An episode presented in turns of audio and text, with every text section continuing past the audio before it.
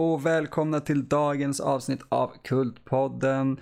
Eh, Vi har valt en eh, lite lustig film kan vi säga. Inte lustig så mycket, eller vad skulle du säga Matte? Ja, så vi väljer väl ofta lustiga filmer beroende på hur man väljer att se på det. Ja, och det är lite speciellt för att den här känns som någonting de flesta i vår generation såg under tonåren. Ja, precis. Men den har också så här, jag vet inte, tre, fyra olika versioner av sig så det var svårt att veta vilken version man såg. Exakt. Det brukar, jag tror att för många kan det vara en sån här film att de tror att de inte har sett den för att de inte känner till titeln. Men Ja. sen när de är fem minuter in så, ja just det, det är den här filmen ja. Ja, och titeln är ganska eh, intetsägande egentligen. Ja. Eh, vilken film är det vi ska prata om? Vi ska prata om Versus Precis. ifrån år 2000. Har du förstått att den här filmen är 20 år gammal? Inte för du sa, nu när du sa det så insåg jag att den är fan 20 år gammal. Ja. Eh, det skrämmer mig lite grann. Nej, det gör det inte. Men wow, 20 år. Japp. Det är rätt ballt ändå. ja. Eh, känns den som att den är 20 år gammal? Ehm, Nja, nej, ja, nej, det tror jag väl inte. Eller hur? Det känns som att den kom så här, ja men typ 2006 kanske, 5-6 känns det som för mig. Alltså bara fem år mindre men ändå. Ja, för det var väl typ under den tiden då det började bli jättepopulärt med, äh, med asiatiska övervåldsfilmer generellt. Ja, Battle ja. Royale kom ju då så. Ja, och sen så har vi ju Tokyo Gore Police och Machine Girl. Eller? Ja, de kom Ja. ju precis typ 2006, 2007 där någon gång. Precis, och det- Issue the Killer. Ja. Och den här känns ju som att den hör hemma bland de filmerna. Vilket den gör, men den kom som sagt typ 5-6 år tidigare. Ja, jag, jag tycker det känns som kanske eh, Babys first gore movie lite grann. Eh, på, på, på det bästa sättet man kan mena det. Ja, Ehm, så eh, jag var ju den som föreslog den här med eh, mycket glädje och förhoppning lite grann. För jag har inte sett den sen ja, tonåren. Mm. Eh, mm. Alltså, Ja, skulle du säga att den här, var det värt att se den igen? alltså den här är konstig på det sättet. För det här var tredje gången jag, det här är nog tredje gången jag har sett den. Eh, och det här är en sån film jag är glad till en början. Sen efter typ en halvtimme eller 40 minuter så då börjar man inte vara så superglad längre. Nej, för att den har, eh, vi har inte ens tagit upp handlingen än, men eh, den har en väldigt... eh, Oj, oj, oj. Ja. Bena, bena ut handlingen i den här filmen. Det är just det som jag tror kommer göra det lite svårt för oss att, att prata om just handlingen och det är inte där den, det är inte där den lägger sin vikt på heller. Ja, handlingen är väldigt, väldigt sekundär här, men det är ju princip två fångar som flyr genom en skog eh, efter att ha flytt från fängelse och ska möta upp eh, ett par gangsters för att typ plockas upp och åka därifrån. Typ.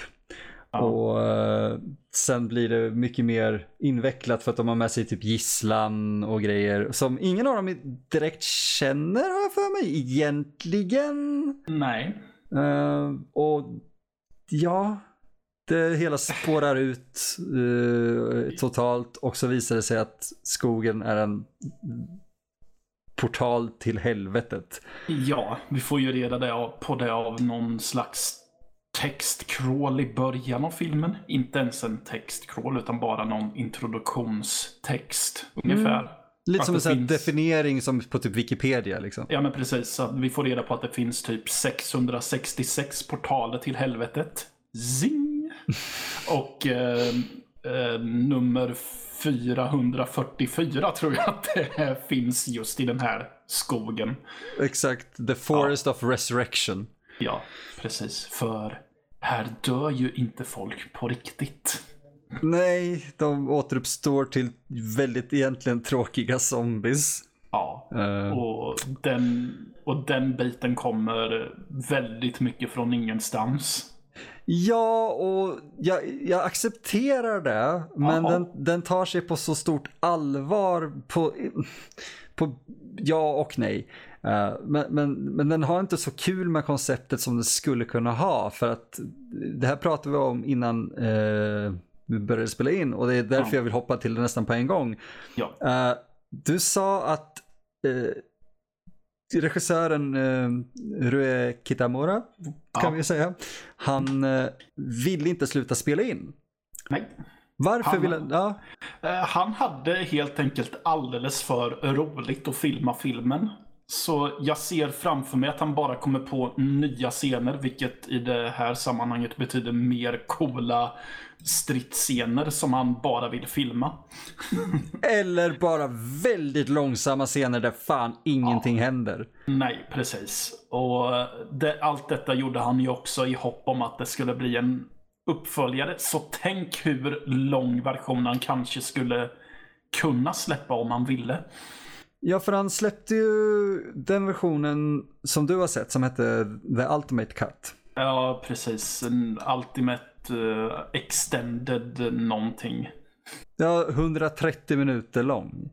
Ja, det, vilket för er som inte vet är typ två timmar och tio minuter. Och så lång behövde den definitivt inte vara. Nej, nej, nej, nej, nej, nej, nej, nej, den, nej, nej. Alltså, eh, jag, jag, tror vi också sa det här innan vi började spela in att det här, det är få gånger vi säger att en film behöver klippas ner med så här mycket. Ofta är det tio minuter så det här hade varit ja. bra för den där filmen. Den här har mått bra av att klippas ner med kanske 40-50 minuter.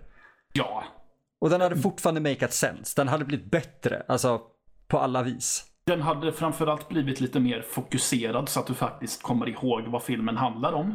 Ja, för man glömmer bort det. Ja, för som det är nu så du tappar hela den här handlingen om eh, demonportaler och så.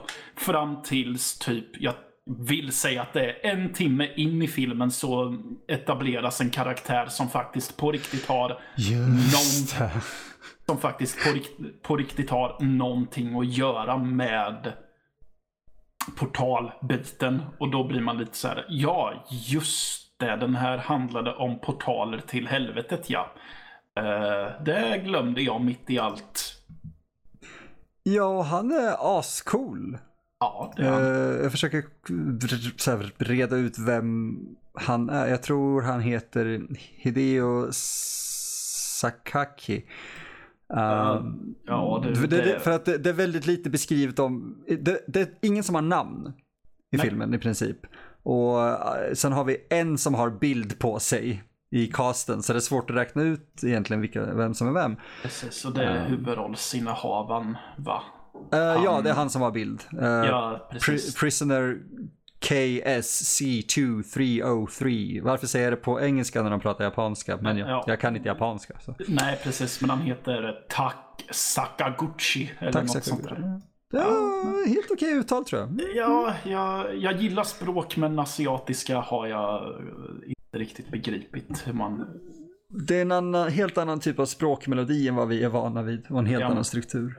Ja, precis. Eh, men en timme in så uh, kommer ju den här andra karaktären. Det är ungefär en timme in.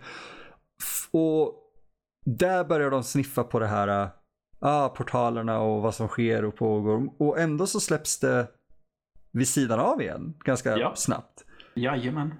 Men vad är det de ersätter med egentligen? Um, De typ, ingen, ja, ingenting. Är dialogscener som egentligen inte leder någon vart. Nej, det är typ bullshit-filosofi och det var ledsamt det jag tänkte för att jag, jag, jag ger väldigt mycket så här leeway och, och så här ursäkter till saker och ting. Ja. Uh, men jag satt och verkligen så här, mm, jag är helt okej med att det dyker upp två, tre sådana här scener för att utveckla, du vet, karaktär eller man ska ha lite kul relationsgrejer. Och det finns scener här i som har väldigt roliga karaktärs, Ja. eh, liksom, eh, tillfällen. Men när det till slut blir bara, ja men det är du och jag egentligen som ska slåss eh, i tidernas bin. Alltså bara, vänta, det här leder ingen vart. Eh, och då är man så en timme och fucking 20 minuter in i den och man har inte märkt av att den börjar runda av. Nej. En annan sak som den har väldigt mycket av det är så mycket Highlander-referenser gud, och ja. så mycket Highlander-paralleller man kan göra. I Och- den här. Alltså ja, jag tänkte på det eh, först och sen så började jag zona ut. Vilka tänkte du, fanns det några specifika som publiken Ja. kanske tänker på som inte jag gjorde? Ja, alltså den, den som är först och främst är när eh, huvudrollen i, vid ett tillfälle hittar det svärdet han använder sig av sen framåt slutet. Mm. För han skriker när han riktar upp det emot skyn och så kommer det lite lightning effects och grejer så. Då så att jag tänkte, hmm, Highlander någon? Ja men den har ju sådana här sköna tillfällen. Man, man märker att hela filmen är ju en låg, mm, ja jo det är lågbudget, det, det kan vi inte Ja. komma under stolen. Men det här är lågbudget för, vad heter det, 2000-talet och även nu egentligen. Men Ja. 400 000 dollar tror jag. Ja, Eh. och sen, sen på tal om Highlander också, så hela den här biten med att de, det blir väl en liten spoiler där, men att de är två stycken som har slagits emot, emot varandra i, i ehm, genom alla tider i stort sett. Ja, vi kan ju Eh, lika gärna ta och avslöja hela den grejen faktiskt. Eh, Ja, det, min tolkning är att okej, vart hundrade år eller något sånt så möts de här två i en batalj. Och att det är någon slags kamp mellan mörker och ljus.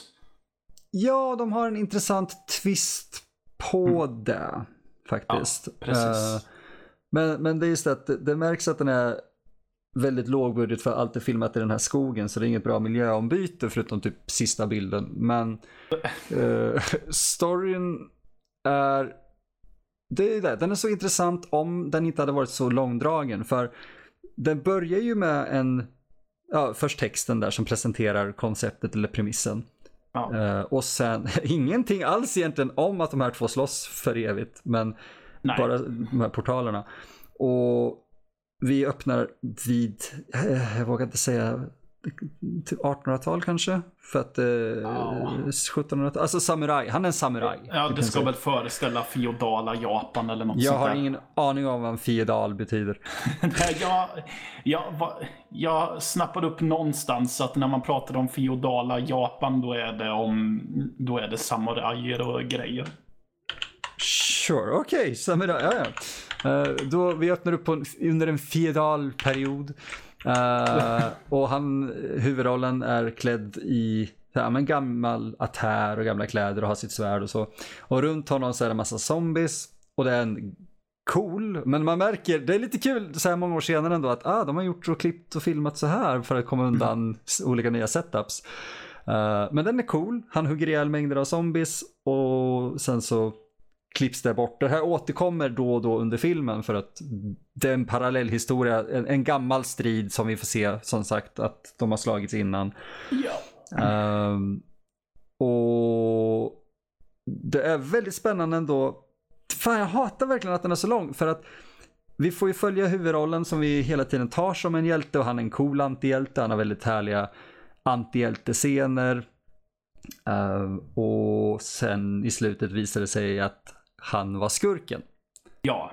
Men det, filmen har pågått alldeles för länge för att man ska, eller för att i alla fall jag ska bry mig något nämnvärt om den lilla twisten. Ja, jag hade slutat bry mig alltså en timme sen nästan. Ja, ja, ja. Och, och Och- det är så synd. Ja, precis. Och det som man tror är sista bataljen i filmen dras det ut på. Det är till och med så att eh, de har en dialog mellan varandra och så säger det den ena av dem Okej, vill du göra det nu direkt eller vill du leka lite? Ja, och så det. kommer hans underhuggare och så får vi se en massa mindre fight-sekvenser. Och då vet jag att jag höll på och skriker Nej, ni ska fan inte leka. Nu ska ni slåss så vi kan avsluta skiten någon gång.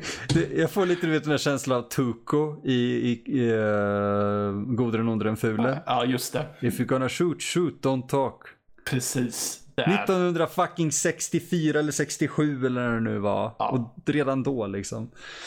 Eh, och just när de står där inför den här striden, eller de här små striderna, så de står på någon jävla klippa vid någon så här, fjord nästan.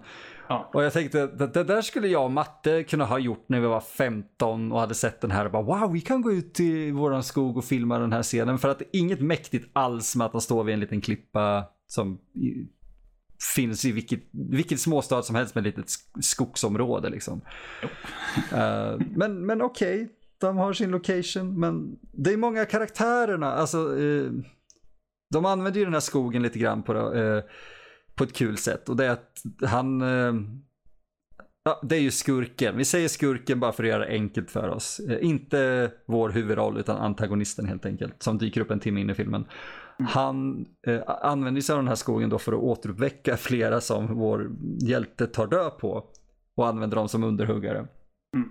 Uh, och det är kul. Ja, det tycker jag. Uh... För att de har, det är ju den här gangster, mafioso, yakuza. Folket har ju liksom använt skogen för att begrava mängder av, av lik och folk de har helt enkelt dödat. Och de kommer det... på det när de har gått ut i skogen en bit och bara, vänta här nu. Ja. Det är här vi har begravt alla, oh fuck, för då har de redan upptäckt att typ en av de bästa öppningsscenerna förutom ja, den här coola fighting-scenen är ju när de ska bli upplockade. Mm. Och bilen kommer dit och alla gangstrarna kommer ur och sen så händer lite grejer och en av mm. gangstrarna skjuts ihjäl av en väldigt ja. kul anledning egentligen. Ja, det är den bästa anledningen till att döda en karaktär. Jag hade gjort så. Va, va, ja. vilken, vad är anledningen? Jo, eh, Ruhei Kitamura, regissören, han hatade den skådespelaren som spelade just den gangstern så därför bestämde han sig, äh, fuck it, vi dödar honom 12 minuter in i filmen. Det är helt fantastiskt. Jag hade fått en flipp lite grann. ah, shit, jag måste göra någonting för att få den här filmen att funka och jag har skrivit in honom. Ja. Eh, han löste det vid att döda honom. Ja. ja. Lika bra i ett ganska spektakulärt fashion. Oh ja. Hans kanske inte innan mäter, men väldigt mycket av hans blod täcker en motorhuv. Det, det, är så snyggt. Han, han har en, ett, ett, ett, eh, jag kommer inte ihåg vem det är som har fotat den, men eh, Kitamura har ett öga för hur han vill filma våld och effekter. Eh, ja, och... det märks i den här filmen, för dels så är väldigt mycket av våldet snyggt mm. och det är välfilmat och det märks också att han har ett öga för det och att han tycker om att göra det eftersom att det är typ vad den här filmen består av. Den består tyvärr av det i 30% och sen 70% skräp. Eller ingenting rättare sagt. Uh, ja. Okej, okay, säg 60% där och sen 10% faktiskt intressant dialog. Ja, för, för det finns intressant dialog här och som tur är, är det då man lyckas, eller där då jag lyckas somna tillbaka till filmen igen. Så har jag kommit på mig själv med att ligga och tänka på något annat och sen, oj, men nu är det intressanta saker, då ställer vi tillbaka. Så. ja, och det, det, är så synd bara att det är så sällan. Eh, för man tappar, för varje gång filmen blir långsam så tappar man intresse och så kommer en scen som får en och så här, okej okay, det var kul. Eh, det kan vara en actionsekvens som är så här, as roligt uh, utförd eller sådär. Typ två zombisar som uh, riktar sina vapen mot en snubbe som står emellan dem så att vapnen är riktade mot varandra. Och så, så märker den här snubben, den levande snubben helt enkelt att okej, okay, de följer mitt huvud väldigt väl. Men om jag är snabb och får dem att chocka som man ska säga så kanske de, de skjuter varandra. Vilket är exakt vad som händer när han snabbt typ duckar. Ja. Eller springer därifrån och så skjuter zombiesarna ihjäl varandra. Uh, och man skrattar till lite och sen är det tillbaka till typ ingenting som händer igen. Ja, precis. Uh, men vi har en, en udda subplot som jag inte tycker leder någon vart heller. Mm. Poliserna. Uh, Ja. Det är lite som snutarna i Hills heter den inte. Den heter Last, Last House. House. Precis. Ja, precis. Um, ja, och för er som inte vet så Last House on the Left är, har väldigt mycket obehagliga scener. oh, ja. ja. Men den har också typ eh, två stycken poliser som är som hämtade ifrån en Stefan och Krister-buskis. Ja, de är typ kling och klang liksom. Ja, de här är väl inte riktigt kling och klang. Nej, de här är roligare. Ja, men de leder samtidigt ingen vart. Nej, jag, jag, tänkte faktiskt på det, att vad är deras poäng? Förutom just att regissören eh, kände liksom att ah, det här är bra för då kan vi sträcka ut handlingen ännu mer. Ja. För att deras scener känns, de är så påklistrade hela tiden. Ja, precis. För, vi behö för de behövs egentligen inte överhuvudtaget i filmen. Nej, de har typ Nej. några av de roligaste scenerna men Mm. Det spelar ingen roll när det inte leder någon vart. Ja, och det går ju oftast ut på att den ene polisen vill ha tillbaka sin högerhand som mm. är avkapad ifrån dem och den andra snubben är erfaren inom allt. han, han, är en av mina favoritkaraktärer någonsin. Precis, Så har, jävla självgod. Han är en eh, han är eh, en erfaren profiler från FBI. Han har växt upp i eh, Kanada så därför är han en mästare på att spåra. Och, ja. Uh, han är så sämst egentligen så att han, han vid ett tillfälle, vid hans här sista tillfälle där, innan ja. han sprängs i bitar så ja. är han allt för bra på det han påstår sig vara för bra på. Eller vara bra på. Och det är att han ska göra så här. Jag tror Uh, snubben utan, okej okay, vi kan ta den scenen för den är väldigt rolig. Uh, snubben ja. som har blivit av med sin hand på grund av att uh, han satt fast vad jag förstår i en av fångarna, alltså vår protagonist, innan ja. vi ser det här. och så har han slitit sig loss med hjälp av, jag vet inte vad, för att protagonisten fick med hans hand. Mm. så han är som sagt som Mattias sa på jakt efter sin högerhand. Och så ser de Eh, protagonisten på en klippa och typ du, ge mig tillbaka min högerhand. Och han så, tittar runt och bara, ah. plockar upp en hand som ligger där, kastar iväg den och, och snubben tar den och vad är det han säger? Uh, jag det är väl någonting om att han har fått en vänsterhand kastad till, kastad till sig eller något sånt istället. Ja, han ser så jävla lycklig ut och så typ I'm gonna have two left hands. Ja. han försöker så trycka tillbaka den. Och, ja. eh, och sen sprängs han i bitar för att eh, huvudrollen skjuter honom med så här, jag vet inte, högkalibrigt snipergevär. Ja, precis. Um, och den här som påstår sig vara supererfaren säger då att ja, dina, du behöver mer än dina långsamma kulor för att besegra mig. Jag är så snabb att eh, jag ja. kan ducka undan allt folk skjuter mot mig. Ja. Och han är så snabb att när protagonisten skjuter mm. så hinner han ducka den här polisen och sen kommer han upp igen och så åh! Pang och så sprängs han. För att han, ja. han, han var så snabb att han inte hann ducka undan skottet. Precis. Det är väldigt roligt. Ja. Det... Men, men det, ja. det leder ingen vart. Mm, nej. De är ju de är ju bara med för just den mm. grejen. Um, jag tycker att det är lite kul med um, för nu ska vi se här. Nej.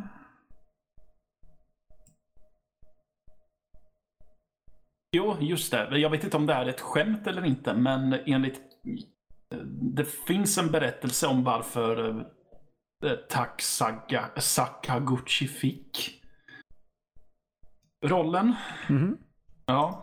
Ja, det är hans eh, debutfilm så det kan ja, vara intressant. Precis. Eh, Kitamura menar att eh, han anställde Sakaguchi för att eh, han hade ett vackert leende. Mm -hmm. Men Sakaguchi menar att det var att nej, jag mötte Kitamura i en street fight. ja, just det. eh, som eh, de bägge två var involverade i tror jag. Och Kitamura frågade om man eh, om man hellre ville slåss i, här på gatan. Eller om man ville slåss genom Kitamuras filmer. Och tydligen så svarade Sakaguchi att ja men film låter ju trevligt. Och då, ja här, du, då får du min du får huvudrollen i min nästa film. Uh, slåss där istället. Det är ju egentligen ett väldigt bra sätt att rekrytera folk på, det får jag ju säga.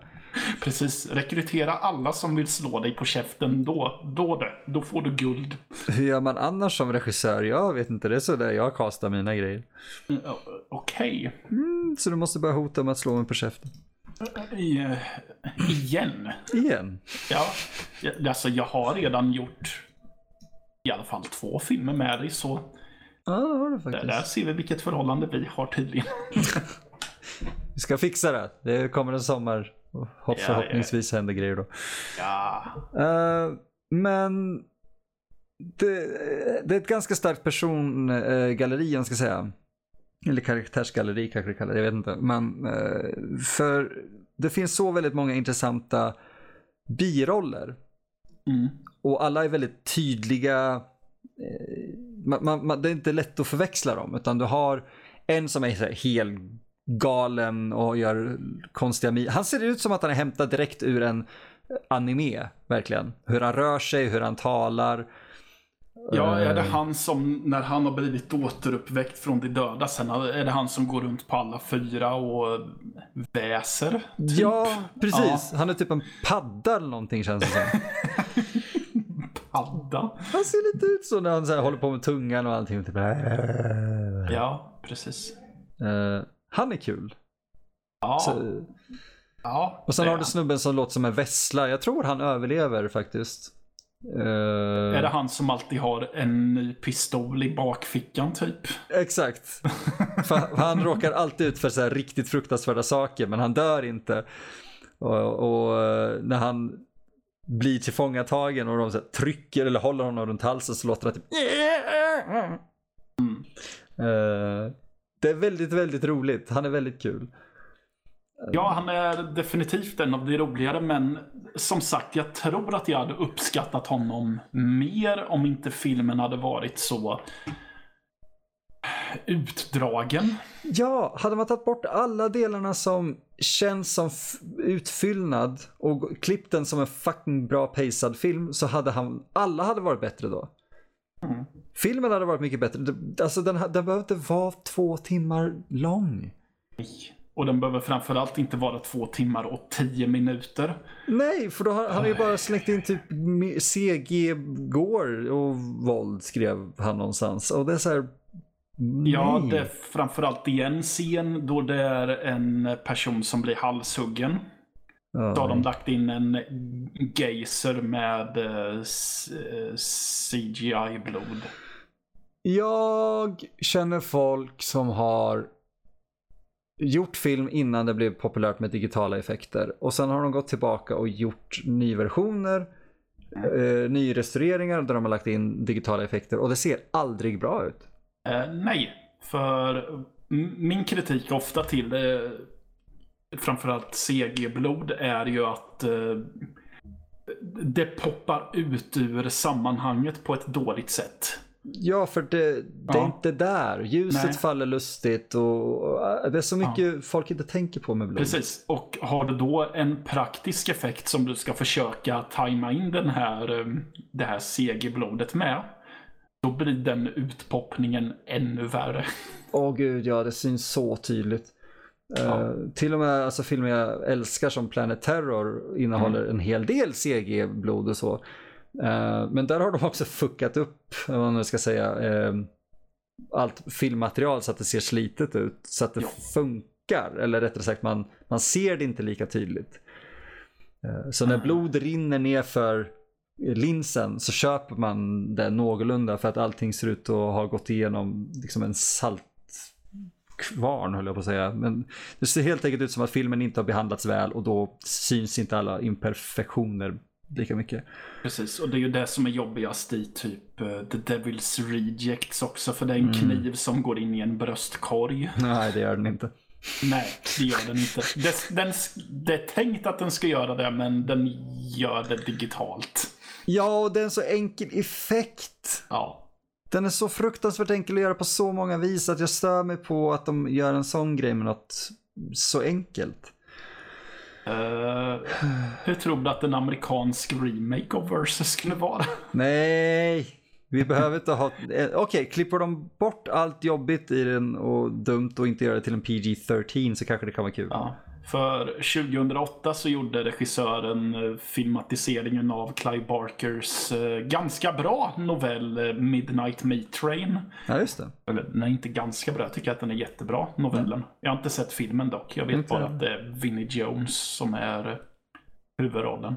Jag har inte fått bra kritik. Ja, det kan jag tänka mig. Eh, men när han skulle göra den så eh, var det prat om att det skulle göras en amerikansk remake av Versus. Eh, Men ehm, sen dess så har det inte pratats om det. Jag hade velat se typ, på tal om Winnie Jones då i så fall, en Mm. Guy Ritchie producerad, slash regisserad kanske, men i alla fall eh, producerad eh, remake med så här, eh, folket från Lockstock och Snatch. Ja, Så du vet Jason Statham, Winnie Jones, hela den liksom samlingen av folk. De hade kunnat göra en sjukt kul amerikansk version, eller rättare sagt brittisk version av det här. ja precis. Och så är det ju en brittisk skog istället. Ja, det hade ju varit fantastiskt. ja. Fuck me, jag tror att du har kommit på hur det skulle funka. Det, jag är förvånad själv. Ja, Det, jag vill se den. Ja, Nu vill jag se Lockstock igen också. Det är väl också en debutfilm. Så det är ja bra, precis. Och jag varit nästan sugen på att se Snatch igen. Så. Jag har aldrig sett Snatch. Nähä. Jag har Okej. den, men jag har aldrig sett den. Ja, jag har sett Snatch mer än vad jag har sett Lockstock. Ja, intressant. Ja, men det är, Ja. Många har sagt åt mig att jag är dum som inte har sett den. Nej, nej, jag tror inte att eh, vi behöver säga Mm. att du är dum. Men. Nej, jag, jag kan inte ta det seriöst när någon säger så åt mig ändå. Jag har så jävla mycket film att gå igenom hela tiden att jag hinner liksom inte se ja, allt jag men vill. det har jag också. Ja, exakt. Ja. Så det är svårt att så här. När någon säger oh, har du inte hunnit se den där än? Jag Bara, Nej, för att jag har fem andra grejer folk har sagt har du inte sett den där än? Jag har, jag har typ bara, jag har valt att ignorera sånt och se bara det som jag vill för stunden. För Mm. jag mår bara dåligt eh, mentalt om jag på, av någon anledning ska ha dåligt samvete över att jag inte har sett alla filmer som folk har rekommenderat mig. Åh gud ja, det hade fan inte funkat. Nej. Så vad, allt du behöver göra, du behöver släppa allt du gör och se den här. Ja, absolut. Jag ska prioritera din film som du säger att jag ska se som jag hört har fått toppbetyg och som jag förmodligen kommer bli uttråkad av. Absolut. Wonder Woman, ja. Mm. Superman, Dawn of Justice, absolut. Okej, nu klagar vi. Men eh, tillbaka till Versus då. Ja. Eh, för inte bara en eh, remake har ju varit i, så här, vad heter det, been in the talks, utan det har ju varit en eh, uppföljare på kartan ganska länge också. Ja, precis. Alltså, vi nämnde ju det förut att eh, de ville ju inte sluta filma för, bland annat för att de ville göra en uppföljare. Men det är alltså har varit in the talks längre, eller? Det har varit där sen den kom. Okej. Men jag förstår inte liksom idén riktigt med att Ja, jag vill göra en uppföljare så jag fortsätter filma första filmen. Det är inte fucking Sagan om ringen, du filmar den inte back to back. Ja, det är mycket natur och skog i Sagan om ringen, men de är fortfarande intressantare och det finns material nog för att göra flera filmer där. Versus är inte sån. Särskilt inte om man tänker på hur första slutar. Jag får ge dem lite kudos för de fattar att det är en larvig premiss de har för att deras svärd i slutet har lasersikten. ja. Vilket jag erkänner är så här, det där är så extremt jävla barnsligt och larvigt att jag älskar det. Det blir liksom coolt nästan. Precis. Eh, nej, men precis. Det hade ju... Jag tänkte på det att enda anledningen till att någon skulle vilja göra en uppföljare på den här är ju för att de vill se samma film fast i den här... Det, det var det jag satt och tänkte på. För eh, om man ska se vad filmen har handlat om innan så möts de ju på samma plats med eh, typ 100 års mellanrum. I guess. Ja, menar de då på att det har byggts upp en stad i den här skogen som sen har förfallit till ruiner? Det är ju någon sån här postapokalyps efterkrigsgrej liksom. Eh, Ja. Jag är inte ett dugg förvånad om någon har byggt upp ett hus i en skog för att vi skövlar skog hela tiden. Nej, men samtidigt så kan jag inte släppa att det, de förmodligen bara har valt den settingen för att vi ska fatta att ah, det är postapo- en postapokalyptisk framtid nu. De, de har valt ett nedlagt parkeringsgarage. Det är allt de har gjort och filmat i liksom. Och det ska Ja. se lite futuristiskt ut. Ja, men Så folk vill alltså se exakt samma film med typ samma premiss fast i en stadsmiljö då. Eller en, eh, förlåt, en garagemiljö. Där ja. Nej men jag vet inte, det går liksom inte. Jag, och jag, det går inte riktigt. Jag gillar idén med de här eh, helvetesportalerna och allting. Ja. Uh, men eh, storymässigt så är inte egentligen det det viktiga för att filmen presenterar det som det viktiga. Men går sedan över till den här evighetsstriden mellan dem som, ja, Highlander-esk. Precis. Det skulle väl vara om man fördjupar den enda kvinnliga karaktären i filmen. Men jag vet, inte, om, Ja. men jag vet inte om det är så mycket att fördjupa där. Tyvärr inte. Ja. Alltså, hon, det, det, det finns ett par kvinnliga karaktärer, men okej Ja. förlåt mig. Det finns ett par Ja, kvinnor just som spelar i den. Ja, just det. Jag kom på det. Men Mm. jag tänkte på... Karaktärer. eh, På, ja, precis. Den enda som faktiskt är en karaktär och inte typ kanonmat. Exakt. Eh, där... Jag konstaterar att hon är ju typ bara där för att... hon är McGuffin. Ja, precis. Men det känns som att de ibland har lite kul med det konceptet också. För Ja. av någon anledning, när, så fort när hon hänger med huvudpersonen, så, så fort de konfronteras av fiender så tycker han att det rimligaste sättet att skydda henne på, det är att knocka henne. Så att hon så svimmar de minuterna. Ja, Det, Eh. jag måste säga att jag, jag, har, jag har kul åt det. ja sen... Men de spinner ju vidare på det sen sent för då ska han knocka henne men hon duckar undan slaget och backar undan självmant istället att fine, jag ställer mig här borta, du behöver inte slå mig varje gång. Nej, alltså det blir ju den typen av humor och Ja. jag tycker ändå att de gör det rätt okej. Ja, Eh, Men det är också det att de, de, ja, alltså de, de använder inte det där på tillräckligt bra sätt. Nej. För när de väl har kul med det hela och det känns som en komedi så funkar det. Och så går de över till att eh, antagonisten och hon står och pratar med varandra och det är jättemycket nonsens och man så här, du vet, vad, han, vad gör ni? Jag, jag vill inte ha allvar i den här filmen där jag precis skrattade åt Mm. att någon slår ut hjärtat på någon och typ äter upp det. Inte för att den, den scenen är inte kul, men den är ball. Eh, Ja, den är ball, men jag hade ju... Jag hade av någon anledning glömt bort att han började tugga på hjärtat. Ja, ja, ja, det hade jag med gjort, men jag tänkte Ja. när han stod där, bara, han kommer äta det där. Ja, jo precis, men samtidigt var jag tvungen att tänka, men varför? varför? Det var, det var också det som slog mig bara, men, men är han vampyr? I, Men- I guess. Ja, men det, det är lite, filmen görs egentligen bara för att det, vissa saker är coola. Ja, jag kan tänka mig att det där var en sån här spur of the moment, att regissören sa "Äh, Bit på den. Jag tror till och med att eh, skådespelaren bara fuck it, jag gör det här och så regissören säga vad han vill. Ja, precis. Det kan mycket väl vara något sånt. Ja men det, det är precis som du säger, det är en spur of the moment grej liksom. Ja, Men det, det som är så väldigt roligt Mm. är ju att den här är ju två timmar lång. Drygt. ja. Särskilt om man ser eh, Ultimate. Eh, Mm. Men den har också ett alternativt namn, typ, som är Down to Hell 2.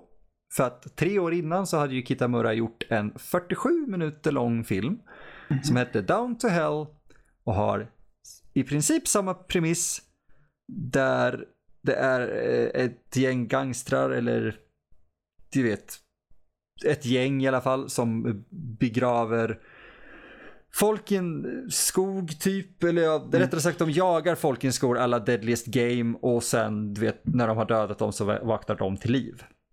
Och jagar dem istället. Okej. Ja. Jag har inte sett Down to Hell. Eh, men 47 minuter är nog helt rätt längd på den premissen. Och med de sakerna som Versus sen lägger till eller utvecklar som evighetsfighten, uh, gangstergrejerna, lite mer än Deadliest Game. För det har de helt plockat bort från Versus. Gör att det känns som att det hade kunnat bli en bra en och en halv timmes film, en och Ja. tjugo. Den, den använda recensionen av Down to Hell som är den första jag ser kallar den för Energetic Insanity. Där har vi det, för det känns inte så i Versus. Nej, och tydligen så är, tydligen så är hela balunsen filmad med, på Super 8. Holy hell, det är rätt ballt. Ja. Nu vill jag se den här, för jag vill se om den är... Om den, som du säger, om den hanterar sitt koncept bättre än vad Versus gör. Ja, jag tror den gör det och jag tror även att den finns på de fysiska utgåvorna som fanns tillgängliga i Sverige för hundra år sedan. Eh, Jaha, och jag har, ja alltså för att jag har theatrical cut så inte unrated tyvärr. Men jag har den liggandes någonstans så jag minns inte om den finns där på. Ja, det, kanske. Mm. Jag har ingen. Jag har hört om ett eh, kommentarspår som finns. Okej. Där de helt plötsligt bryter av att prata om eh, filmen för att det, de har beställt in ramen. Just det, jo men det har jag hört om. Ja. Det är ju professionellt och bra. Alltså det är lite som, vad heter den? Ja, egentligen kommentatorspåren som, eller Trey Parker och Matt Stone har gjort på både Cannibal och uh, Orgasmo, där de blir packade. Ja, men det har jag hört om. Jag har inte hört något av dem, men jag vet att de har drunken commentary. De är så bra. Jag vet inte ens om de kallar det för drunken commentary eller om det bara är så att de bara råkar bli packade under det som ska vara kommentarspåret. Nej, jag tror de heter typ Drunken Commentary, vad jag minns från de fysiska utgåvorna. Okej. Eh, jag har för mycket film, så jag vet inte vart allt... Jag tror till och med att min Cannibal The Musical DVD är trasig tyvärr och den går inte att köpa billigt i Sverige längre. Ja. Eh, ja. För den hade även extra material om de, en, en scenuppsättning av Cannibal the Musical som var jättekul. Wow. På en liten scen. Ja, men Wow. ja. Det är inte versus. Nej, det är definitivt inte.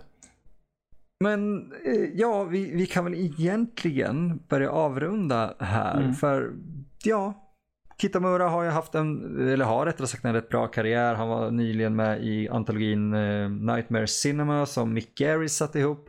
Ja. Eh, han har definitivt gjort annat än, än Versus och en uppföljare finns på gång sägs det som heter Super Versus men jag vet inte hur Wow. länge den har varit igång. Ja, På tal om Ni- Nick Garris, Kitamura var tydligen med i ett avsnitt av Postmortem. ja jag har hört det. Jaha, okej. Så då vet du vad, vart eh, enligt honom all budget gick till främst.